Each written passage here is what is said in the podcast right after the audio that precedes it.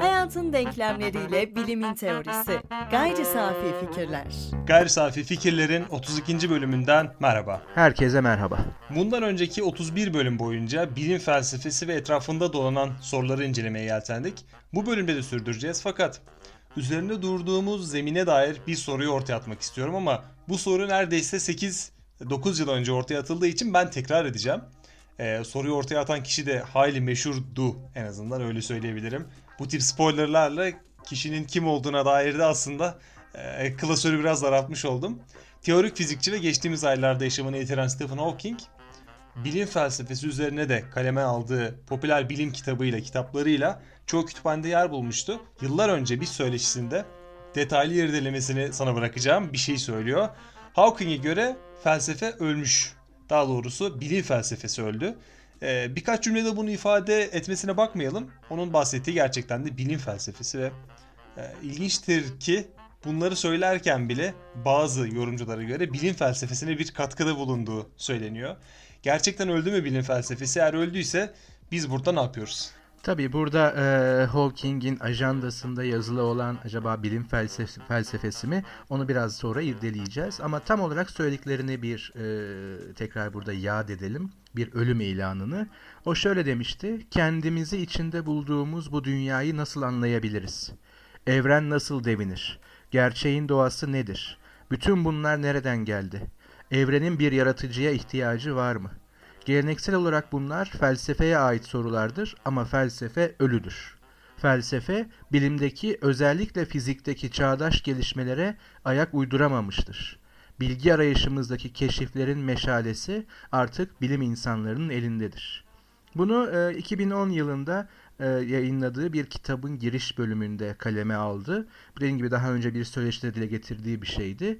Ve bu e, The Grand Design ismindeki kitap Türkçe'ye de çevrildi. Popüler bir kuramsal fizik kitabı ve bizim için en azından bugünkü sohbetimiz için felsefenin ölüm ilanını içermesi dolayısıyla konumuz. Ama Hawking'in kuramsal fizikte ve kozmolojide yaptıkları zaten tartışma götürmez. Ee, her zaman ünlüydü ve her zaman ünlü olarak kalacak. Sadece belki şunu soracağız. Aralarındaki birinci kim? Newton, Einstein veya Hawking diyeceğiz. Ama Hawking üçüncü olarak kalmaya mahkum olacak. Veya hatta şöyle bir ekleme yapabilirim. Tabii ki tamamen şahsi görüşümdür. Ee, Newton'la Einstein arasında hangisi birinci sorusu çok sorulacak. Ee, Hawking daima ikinci olacak diyelim. Böylece 3'ten 2'ye indirmiş olalım. Ama Hawking'in bu yaklaşımı dikkat edilecek olursa genel olarak felsefenin ölümünden bahsediyor. Biz tabii bu tartışmayı şuraya çekeceğiz. O zaman bilim felsefesi de ölümüdür. Çünkü kategorik olarak dahil olduğu felsefe eğer öldüyse bilim felsefesiyle iştigal etmekte boş bir iş durumuna mı düştü? Ee, bilim insanlarının sıklıkla bir gönderme yaptığı bilerek veya bilinçli veya bilinçli olmayarak bir söz vardır veya en azından göndermelerini bu söze tahvil edebiliriz. O da şudur. Yapan yapar, yapamayan eleştirmen olur. Yani felsefe biraz üzerine düşünür ama üzerine düşüneceği şeyi artık biz veriyoruz. E o halde felsefenin üzerine düşünmesine hala gerek var mı? Ama bunu tartışmadan önce veya bunun üzerine biraz e, düşünmeden önce şunu hatırlatmakta fayda var benzer ölüm ilanları aslında felsefe tarihinde birkaç kez tekrar etti. Çünkü hem de benzer nedenlere dayanarak böyle bir ölüm ilanı daha önce de verilmişti. Hatırlayacağımız üzere daha önce üzerinde durmuştuk en azından tarihsel olarak bazı göndermeler yapmıştık. 19. yüzyılda Newton'un başarısı yani onun doğa felsefesinin matematiksel ilkeleri adlı kitabının içerdiği evrensel kütle çekim teorisi gücünü kanıtlayıp artık sadece doğa filozoflarının değil genel bilginin de standartını verecek duruma geldiğinde bilimin imajını belirleyen bir çerçeve, bilginin standartını koyan bir başarı olarak kabul edildiği anda zaten felsefe dönüp kendine bir bakmıştı. İşte pozitivizmin başlangıcında veya şafağında zaten artık bilime göre konumlanan bir felsefe vardı en azından belirli e, alanlarda veya da felsefe içi belirli bir hat veya damarda. İşte bu damarın devamında yani 20. yüzyılın başlarında artık şöyle bir dünya kuruluyordu. Bilgi kuramsal temelde kurulan bilimin çatısı altında, bilimin birliği çatısı altında, bilim insanlarının birliğiyle entelektüellerin birliği çakıştırılıyordu. Yani siz bir entelektüelseniz bilimle iştigal etmek durumundaydınız. Bu iki çatı artık üst üste binmişti ama filozoflar birer bilim insanı mıydı? Akademi içinde veya böyle bir kurumsal çatı altında. Bu pozitivizmin tedrici dönüşümünde bilgi teorisinin yani bilim felsefesinin ilk ve tek felsefe olarak kabul edilmesi felsefedeki verimsiz sistem çatışmalarının sonunun ve bir dönüm noktasının ilan edilmesi ve bu dönüm noktasının da fiziğe Galileo'nun getirdiğiyle aynı türden bir ilerleme olarak nitelendirilmesiyle sonuçlandı. Yani artık filozof nasıl ki doğa filozofu bilim insana dönüşmüştü, e, filozof da bir tür bilim felsefecisine dönüşecekti. Ama tabii ki 2000-2500 yıllık bir tarih biliyoruz ki, tarihte biliyoruz ki felsefe sadece epistemoloji değil, felsefe sadece bilim felsefesi değil. Hele ki bilim sözcüğünün 1833 yılında scientist üzerinden ilk kez tedavüle çıktığı hatırlanacak olursa 2000 yıllık bir tarihi olan disiplin kendini bilim karşısında konumlarken bilim felsefesi sınırlarına çekiliyordu. Bu bir dönüm noktası ilanı olmakla beraber aslında Hawking'i de önceleyen fakat belki o kadar acımasız olmayan şöyle bir yaklaşım içermekteydi. Bilim felsefesi hariç veya bilimi konu edinen felsefe hariç ki bu epistemolojiydi. Yeni adıyla da Theory of Science yani bilim teorisiydi. Bunu hariç tutarsak felsefenin geri kalanı artık ölüdür. Yani bu ilk ölüm ilanı diyebiliriz. Felsefede kısmen bir alanın ama çok yoğunluklu bir alanın yani ontoloji ve aksiyoloji alanının tamamen öldüğü anlamına gelir. Ama özellikle ontoloji tabii ölüyordu çünkü varlık veya gerçeklikle ilgili zaten bir şey söyleyebiliyorsanız ve o şey bilgi temelli ise bilim yapıyor olmanız gerekir. Eğer bilim dışı olup da gerçeklikle ilgili bir şeyler söylüyorsanız o zaman metafizik alanındaysınız, alanında olacaktınız ve bir neopozitivist için metafizik saçmaya indirgenmiş bir alandı. Yani göndergesi olmayan bir dili kullanmak, aslında içinde anlam barındırmayan bir dille iletişim kurmayı denemek gibi beyhude bir işti. Yani bir ölüyün ölü olduğunu farkına varmadan onu yaşatmaya çalışmak, artık çoktan ex olmuş bir hastayı geri döndürmek için yıllarca uğraşmak gibi metafor olarak kullanırsak. Ama bu arayışta modern bilim çağında bilimlerin kraliçesinin kendisinin de bir bilim olması gerekliliği ortaya çıkıyordu. Bilimlerin kraliçesi göndermesini hemen hatırlatalım. Daha öncesinde klasik felsefe veya metafizik tüm bilimlerin kraliçesi veya hepsinin kökleri gibi düşünülürdü. Yani metafizik bilgi ağacının kökleri, dalları ise tek tek bilim dallarıydı. Yani metafizik olmadan, felsefe olmadan bunlar hayatta kalamazdı. Oysa şimdi yani 20. yüzyılın e, şafağında söz konusu olan şuydu. Bilime benzemediği sürece metafizik ölüdür. Yani değil kökler, dallardan biri bile değildir. Dallardan biri olduğunu en azından bu bilgi ağacında kendine yer edinebildiğini gösterebilmesi için bilimselleşebilmesi gerekiyordu. Fakat elbette ki felsefe bu bütün yüküyle beraber bir bilim dalı değildi. Peki ne yapılacaktı? Felsefe adına geriye kalan ne felsefi önermeler, ne teoriler, ne de herhangi bir sistemdi bu durumda. Bunların hepsi ölü toprağının altındaydı. Geriye kalan sadece bir yöntem olacaktı neopozitivistlere göre. Felsefenin kendisiyle bilimselleşeceği bir yöntem yani mantıksal çözümleme yöntemi. Buna bağlı olarak da bu girişim genel olarak felsefeyi 20. yüzyılın iki kültürlü dünyasında esasen dili konu alan bir çözümleme etkinliği olarak bilim kültürünün tam da sınırına konumlayacaktı. Bu sınır sınır dışında kalanların yaşamadığı bir sınırdı. Yani ya bilim yaparsın ya bilimin sınırındasındır ya da hiçbir şey yapmıyorsundur, boş işle iştigal ediyorsundur. Böyle kesin sınırların olduğu yerdeki yeni konumlanma felsefe tarihinde epistemolojiden bilgi teorisine veya bilim teorisine doğru kat edilen yoldan daha çok aslında yine felsefe içinde deneyiciliğin yani empirizmin tarihinde bir merhale veya bir aşamaydı. Deneyiciliğin yarattığı ayrımdan bahsederken aslında e, bilim tarihinde ve bilimin yükselişte olduğu dönemde aslında fiziğin dolaylı bir yükselişinden bahsediyoruz. Ki bilim tarihini e, araştıran e, Thomas Kuhn, Karl Popper, Emre Lakatos gibi bilim filozofları aslında ölçülebilir deneylerle net olarak ölçülebilen fiziğe yönelmişler. Buradaki de bizim felsefe ve doğa bilimi arasında ilişkiden bahsettiğimizde bilimcinin felsefeyi bilmesi, felsefecinin de bilim kavramlarını etüt gerekir dediğimiz o zaman e, eklemiştik az önce senin eklediğin gibi yapan yapar yapamayan eleştirir diye. Aslında bu fizikçiler arasında biraz daha yaygın olabilir. Çünkü bilimin kraliçesi senin o e, felsefeye atfettiğin sözü ona fiziğe atfettiğimizde aslında bilimler arasında da kendini kadim bir noktada tanımladı ve belki de haklı olduğunu düşünürsek e, bilim felsefesiyle ilgilenenleri hatta fizik felsefesi diyelim yani Stephen Hawking'i düşünelim ve onun fiziğini inceleyen bir e, bilim felsefecisi üzerine yorum yaptığını düşünelim. Tam genelleme değil ama bu sık karşılaşılan bir durum ve Hawking de bu tip bir hissin kendine sağladığı enerji ya da özgüvenle bunu söylemiş olabilir. Yani o bir biyoloji üzerine çalışan bir profesör olsaydı belki de bu kadar keskin sözleri ortaya atmayabilirdi. Yani aynı fikirleri ortaya atacaktı fakat e, o fiziğin sağladığı zemin, o özgüven farklı bir sonuç ortaya çıkarmış olabilir. Bu meşhur bir anekdot var. Bu tepeden bakma eğilimini tam olarak anlatıyor. Bir bilim insanı için bilim felsefesi gereklidir. Tıpkı bir kuş için ornitoloji, buna da kuş bilimi diyebiliriz. Ne kadar gerekliyse o kadar deniyor ve anekdotun olası bir yanıtını da paylaşayım. Bir filozofun söylediğini düşünerek bunu paylaşmışlar. Benzetmeye katılıyorum fakat kuşlar ornitolojiyi bilmelerinin hayati önem taşıdığını bilselerdi o zaman gerekli önemi verirlerdi. Yani bilimcilerin bu tip yukarıdan bakışları aslında oradaki önemi kavrayamamalarından da ortaya çıkmış olabilir.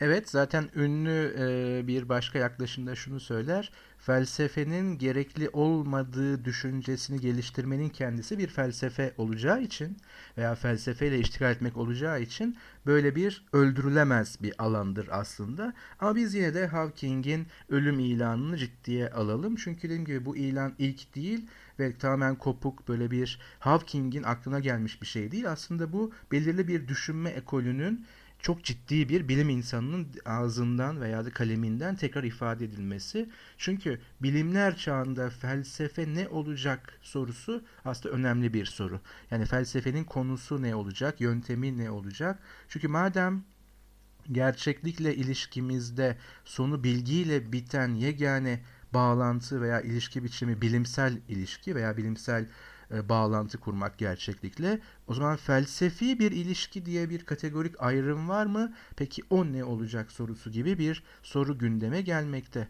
Şimdi burada bilimselleşmek isteyen veya bilim çatısı altında bu birliğe dahil olmak isteyen bir neopozitivist için bu yeni konumun yani bu çatının dışına düşecek filozoflar ya metafizik yapmaktadırlar ve bu anlamsız uğraşı yani ölü uğraşı bırakmalıdırlar ya da deneysel bir araştırma konusuna dönüştürülebilir bir çalışma yapmaktadırlar ve birer sosyal bilimci olmalıdırlar. Buna bağlı olarak klasik anlamıyla tüm felsefe tarihi de anlamsızlaşmakta, sahte sorunların, sahte problemlerin çözümünün yani bir imkansızlığın peşinde koşan sahte bilimsel iddialar müzesi haline dönüşmektedir. Böylece neopozitivist felsefe öncüsü olan pozitivizmden de neredeyse radikal bir şekilde farklılaşarak veya evrilerek yeni bir konum almakta ve kendisini bir sistem olmaktan öte bir tür mantık ve empirizmin evliliğinde yeni bir konumda biçimlendirmektedir. Yani felsefenin büyük kısmı öldü, yaşayanı da bu kadar. Mantık ve empirizm. Tabi burada yine deminki ironi kendisini gösteriyor. Empirizm de bir tür epistemolojik alt alan olarak felsefenin modelidir veya teorisidir. Dolayısıyla felsefeyi tamamen öldürmek zaten mümkün değil. Bir e, neopozitivist için bile. Yani bilgi teorisine indirgenmiş felsefe yani bilimsel felsefe kendisini bilimle sınırlayan, konusunu sadece bilimle sınırlamış bir epistemolojidir. Artık bilginin bile standartını bilim verdiği için ee, o, o yüzden de burada ve şimdi de bir etkinlik olarak var olur. Yani bir tarihi bile yoktur. Tarih dışıdır veya tarihsizdir. Tek bir sorusu vardır. Bilimle bilim dışını ayırmak yani bir demarkasyon problemi üzerine uğraşmak. Ama bunu da kendisi yeni bir şey getirerek tartışarak yapmaz. Bilimde bu her nasıl yapılıyorsa yani bilimin standartı kendisinde neyse bunu açığa çıkarır sadece.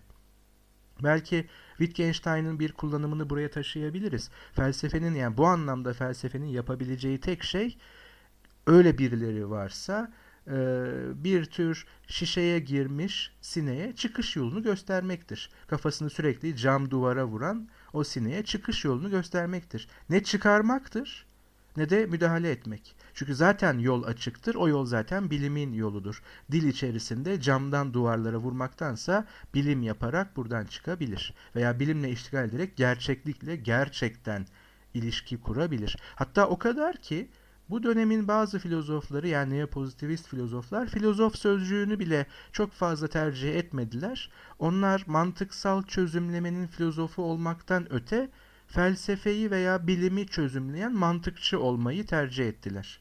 İşte bunlar 1936 yılı itibariyle Berlin grubu olarak anılan ama esas olarak da Viyana çevresi denilen bir ekoldü.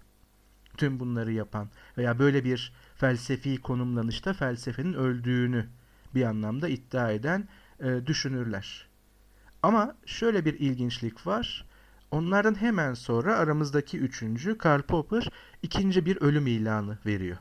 Ama bu kez ölen felsefe değil. Çünkü o şöyle söylüyor birebir alıntılarsak.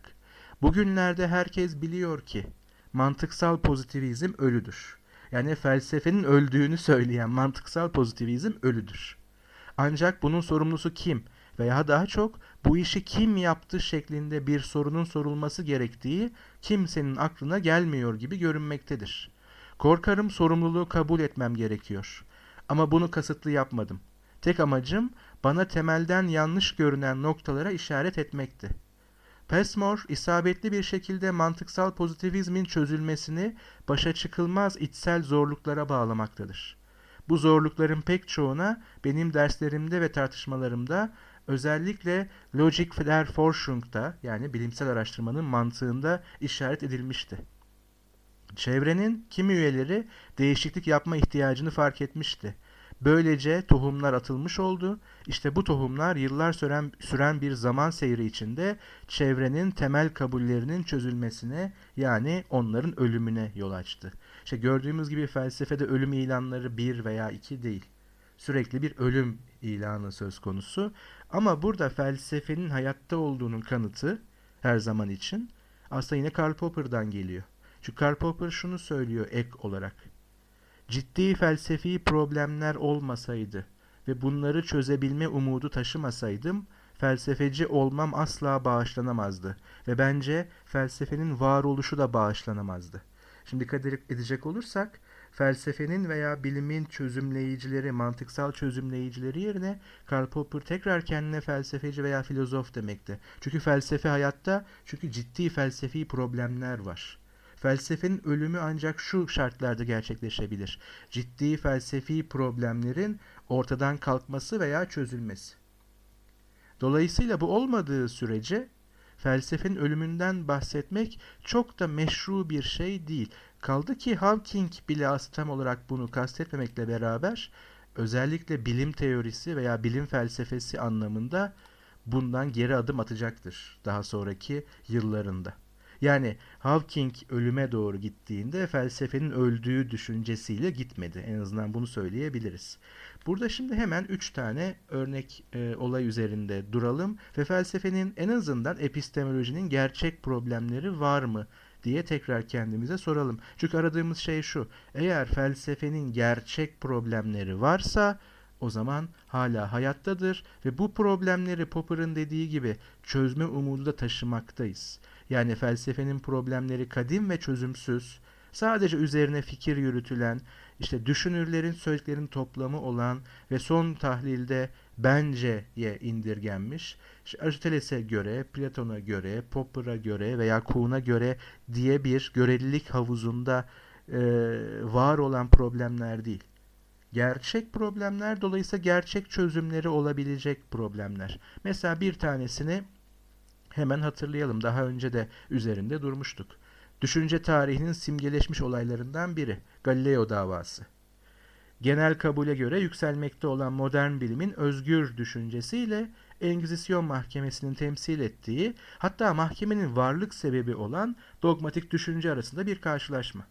Şimdi sorumuz şu. Bu karşılaşmada felsefi bir problem var mı? Veya felsefenin konu edinebileceği bir problem var mı?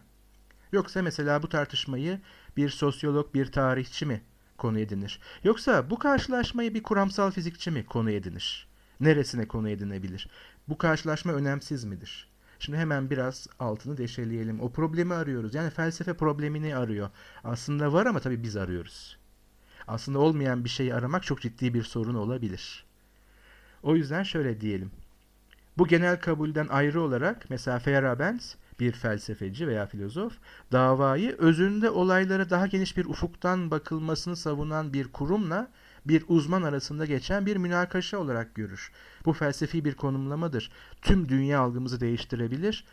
Üzerinde durmuştuk Feyerabend'i konuşurken. Ama Galileo davası uzmanların ürünlerinin yani soyut bilginin toplumdaki rolleriyle ilgili önemli bir soruna temas ettiği aşikardır. O zaman sosyologlar bakması lazım diyebilir miyiz? Şimdi 1616 yargılamasının kısa bir özetini yapalım. 1616 yılında Engizisyon Mahkemesi'nin oluşturduğu Danışmanlar Komitesi raporunda yer alan Galileo'nun çalışmasına ilişkin iki madde şöyle. Hatırlatalım.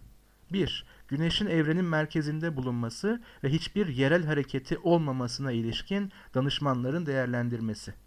Söz konusu düşünce felsefi açıdan aptalca ve mantıksızdır. Ayrıca bu düşüncenin ifadesindeki kelimelerin sözlük anlamlarına ve aziz pederlerle teoloji öğretmenlerinin olağan tefsir ve anlayışlarına göre birçok noktada İncil'in mantığına tamamen ters düştüğü için de usulen sapkındır. İkinci madde, yer kürenin yani dünyanın evrenin merkezinde bulunmadığına, hareketsiz olmadığına ve tümünün devamlı hareket ettiğine ilişkin. Bakın Galileo bir fizikçi, bir astronom ve bilimsel yargıları dolayısıyla hukuki olarak yargılanıyor. Ve buradaki ikinci maddede birinci maddeyle aynı. Yani şunu söylüyor. Söz konusu düşünce felsefi açıdan bir önceki düşünceyle eşdeğer bulunmuştur. Yani felsefi açıdan aptalca ve mantıksız. Dönemin terminolojisi içerisinde doğa bilimlerinin de felsefe içerisinde yer aldığı düşünülecek olursa felsefi açıdan aptalca ve mantıksız biçimindeki ifade Galileo'nun savlarının o günün olağan bilimi açısından yanlış ya da anlamsız olduğunu öne sürmektedir. Çerçeve böyle konduğunda dönemin olağan bilimine yani Hristiyanlıkla iç içe geçmiş Aristoteles fiziği ve kozmolojisine aykırı düşünceler yeni bir paradigma önerisi olmaktan öte bilim dışı olarak değerlendirilmiştir. Dönemin olağan biliminin dogmatikliğini ve otoriterliğini büyük oranda teolojik bütünleşmeden aldığı doğrudur. Yani arkasında ciddi bir teolojik otorite vardır. Ancak bu vakada bilimsellik adına ve sınır jandarmaları eşliğinde bir dogmatikliğin de bulunduğu yatsınamaz bir gerçektir. Yani Galileo bilim mi değil mi yargılamasına hukuken karşılaştı. Ve suçlama bilim dışılık. Peki bunu bu problemi kim ele alacak? Yani bilimle bilim olmayan arasındaki ayrımı mesela kuramsal fizik mi koyacak? Kimya mı koyacak? Yapan yapar, yapamayan eleştirir diye bir iddia var demiştik. Yapan zaten yapmalı. O sayede ilerliyor ve daha çok şey biliyoruz. Ama yapıyor gibi olanlar veya yapanlara özenerek üç kağıt içerisinde geçen programda konuştuğumuz sahte bilimciler de buraya sızdığında bu ayrım hangi kritere göre verilecek ve bu kriter nedir? İşte bu felsefi bir problemdir, epistemolojik bir problemdir ve Galileo davası gösteriyor ki gerçek bir problemdir. Soruyu daha net sorabiliriz. Bruno'nun teorisinde ne vardı ki diri diri yakılacak kadar ciddi bir hiddet üzerine çekti? Galileo da çünkü aynı sınırdan geri döndü. Onun kadar sert yargılanmamış olsa bile. Dolayısıyla bu gerçek bir problem. Bilimle bilim dışının arasındaki fark. E ama bu tarihsel bir bilim tarihsel vakadır ve bir daha yaşanmayacaktır. Belki bir daha böyle problemimiz yoktur diyelim. İkinci bir örneği Türkiye'den ve yakın geçmişimizden verelim. Öyle Galileo'dan falan değil. Türkiye'den bir örnek olması ve kanser gibi çağın önemli bir sorununa ilişkin olması ikinci bir vaka olarak Nerium oleander tartışmasını öne çıkarır. Bu tartışmayı hemen hatırlatayım bilmeyenler için. 1960'lı yıllarda Muğla Devlet Hastanesi baş tabibi yani bir bilim insanı, meslekten bir tıp hekimi olan operatör doktor Ziya Özel'in zakkum bitkisi Latince adıyla Nerium oleander, umarım doğru okuyorumdur, üzerine kanser tedavisinde kullanmak amacıyla bağımsız çalışmalar yapmaya başladı Türkiye'de. Doktor Özel çalışmalarının sonucunda kansere çözüm bulduğunu düşündü ve elde ettiği ekstrenin isim ve patent hakkını aldı. Bu keşfi 1973'te 4. Balkan Tıp Günleri Sempozyumunda yani bilimsel bir toplantıda duyurdu ve bulgularını 1974'te bir tıp dergisinde yani yine bilimsel bir yayında yayımladı. Bu aşamada açığa çıkan tartışma bilim cemaati yani topluluğu içi bir tartışmaydı. Acaba böyle bir buluş var mı, işe yarıyor mu, bilimsel mi, değil mi tartışması. Ancak bu tartışma kamuya açıldığında tartışmanın tarafları netleşti ve çoğaldı. Temeldeki soru akiydi. Narium oleander ekstresi yani zakkum bitkisinden elde edilen bu ekstre gerçekten bilimsel bir keşif miydi? Gerçekten kansere çözüm müydü? Çözümü ivedi, ciddi ve geniş yayılımlı böylesi bir sorunun merkezde olduğu bir tartışma kısa zamanda sosyal, kültürel, ekonomik ve politik bir fenomene dönüştü. Doktor Özel şarlatanlık ile itham edildi. Ancak bu tartışmanın odağı daima bilimsel olmak ya da olmamak olarak kaldı. Diğer bir deyişle bu bir bilim sahte bilim çatışması olarak gündemde yer aldı ve hala yer almakta bir anlamıyla Dikkat edilecek nokta her durumda bilim ve bilimsellik adını alma talebinin baki kalıyor olmasıdır. O halde bilimsel olan nedir sorusu Galileo davasında çok daha büyük tarihsel bir örnek. Ülkemizden verilen bu örnekte de yine geniş yayılımlı ve acil çözüm gerektiren bir problem. Çünkü kanser gibi çağımızın çok önemli bir hastalığına ilişkin bir buluş içerdiği iddiasında. Hemen söyleyeyim bu bir buluş değildi hani spoiler olsun araştırma yapmaya yeni başlayacaklar için bunu duyup da bu literatürde yer alan bir hadise. O yüzden buraya da dillendirdim. Ve sonucunda evet e, teknik tabiriyle şarlatanlık tabiri yerine geldi. Çünkü bu ekstrenin bilim içi değil de bilim dışı bir noktada olduğu ve kanıtlanamaz sonuçlar iddia ettiği öne sürüldü ve bu da kanıtlandı. Acaba bu olay sonrasında da Batı bilimi, Batı'da bizi engellemeye çalışanlar e, bu sonucu getirdi diye e, bu kendisi ve takipçileri bu tip yorumlar yapmış mıdır? Sanıyorum ki yapmışlardır ama ben e, o literatüre çok hakim değilim. E, onun ötesinde çözüm yetkisi yani bu tip olaylarda çözüm yetkisini felsefecilerde ve filozoflarda görmüyor da olabilirler bu tartışmaların içinde olan bilim toplulukları. Hani süreç kendini çözer deniyordur. Hatta Galileo örneğine gittiğimizde zaten olan oldu. Galileo gitti. Onun sorunları gitti. Yerine Einstein geldi. Biz bu soruları çözdük. Siz halen Galileo'dasınız diyerek kendilerini yeniden doğrayabilirler. Doğrulayabilirler. Doğramasınlar tabii ki. Biz de o arada tabii ki Karl Popper'ı çağırarak doğrulamanızın hiçbir anlamı yok diyerek yanlışlayarak onları e, tartışmayı sürdürürüz. Ama bu sorunları açtık denmesinin ardında yani Galileo ile ilgili sorunlar bitti. Biz bütün sorunları çözdük. Siz e, geride kaldınız denmesinin ardında sanki pratik bir e, olay akışı var gibi geliyor. Felsefenin özellikle de bilim felsefesinin geçerliliğini anlamak için hepimiz hayatımızda bir ya da birkaç kez yaşamışızdır. Varlığını ve çalışmasını hissetmediğimiz bir sistem vardır ve o sistemi ancak çalışmadığı an hatırlarız. Yani bir e, evimizdeki tesisatı düşünelim. Çalışır biz hiç e, oturup yani evimizdeki tesisatla ne güzel çalışıyor demeyiz. Onun varlığını unutmuş hatta yok saymışızdır. Bir gün arıza verdiğinde o tesisata bağlı olan bir sistem biz o zaman deriz ki bunu çözmemiz gerekiyor. Yani çalıştıkça merak etmeyiz ve çalışmadıkça da değerini anlarız. Felsefenin artık çalışmadığını ve felsefenin e, bir manada öldüğünü söylemek onun aslında şu an çalıştığını gösteriyor. Yani onun öldüğünü düşünmek, varlığını hissetmemek e, bir manada fonda kendini belli etmeden yaşamını sürdürdüğünü de gösterebilir. Bir de felsefe öldürürken o diri kalana da bakmak gerekiyor. Özellikle bu olay özelinde. Fizikte özellikle de teorik fizikte sınırlara dayanıldığı düşüncesi var burada ve bizim e, tartışmalarımızda hatta e, bilimin sonu kitabı üzerinde de tartışmalar yaptık. Bu sona yaklaşıldı ve artık devasa bir yapboz çözdüğümüzü düşünelim. Bu devasa yapbozda antik bilimler, Mezopotamya'da bu yapboza parçalar ekledik.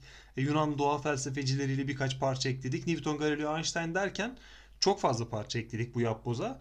Aslında bu yapbozu tamamladığımız üzerine bir yoruma gitmeyeceğim ama binlerce, milyonlarca parça olsa bile biz onun yarısını bile doldurmuş olsak yeni parçaların yerlerini bulmak e, eskisinden biraz daha zor gibi geliyor bana. Yani e, dolan bir kabı doldurmaya çalışırken hacim Özkütle gibi problemlerin ortaya çıkması gibi artık hani felsefenin de yol göstericiliği bir yere kadardı. Önce felsefe öncüydü. Sonrasında bilim öyle bir hızlandı ki bil, felsefe bilimi geçti. Şu an bilimin felsefe hangi sapaktan döndüğünü bile bilemiyor demek kolay değil. Yani burada bilimin de ilerlemesine dair en azından kısa vadede o ilerlemesini görebilecek durumda olmamamız da etkili olabilir.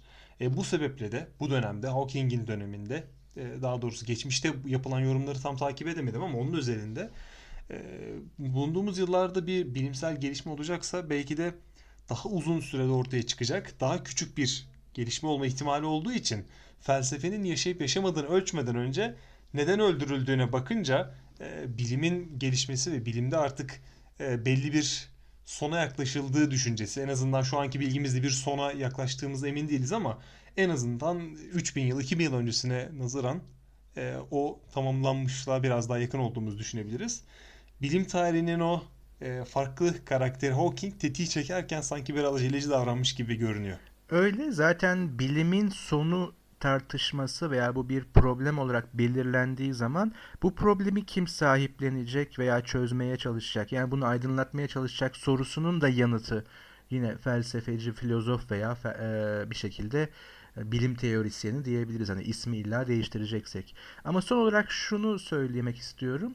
Şimdi bütün bu olaylardan bağımsız olarak yani tarihten vakalar seçmekten de dediğin gibi olan olmuş veya e, su yolunu zaten bilim içinde bulacaktır. Biraz zaman diyebilir bilim insanları veya da felsefenin gereksiz, işlevsiz ve ölü olduğunu savunacak herhangi biri.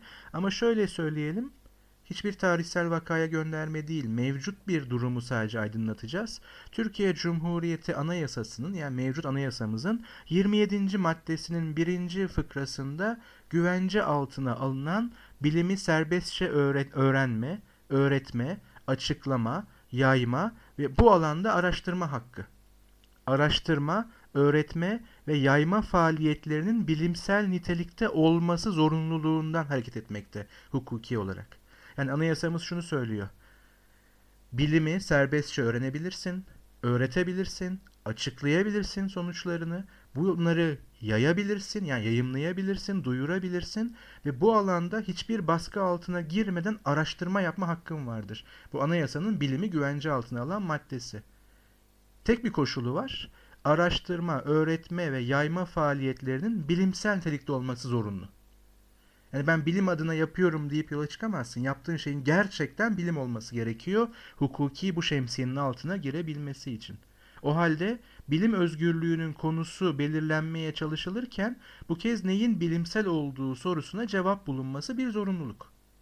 Yani tamam bilimsel araştırmada özgürüz ama bilimsellik ne? Hani her araştırma bilimsel mi? E, bu sorunun cevap verilmeden hangi faaliyetin bilimsel olduğu ya da bilimin ne olduğu belirlenmeden anayasal korumanın uygulama alanı bulması mümkün değil. Peki bu soruyu kim soracak?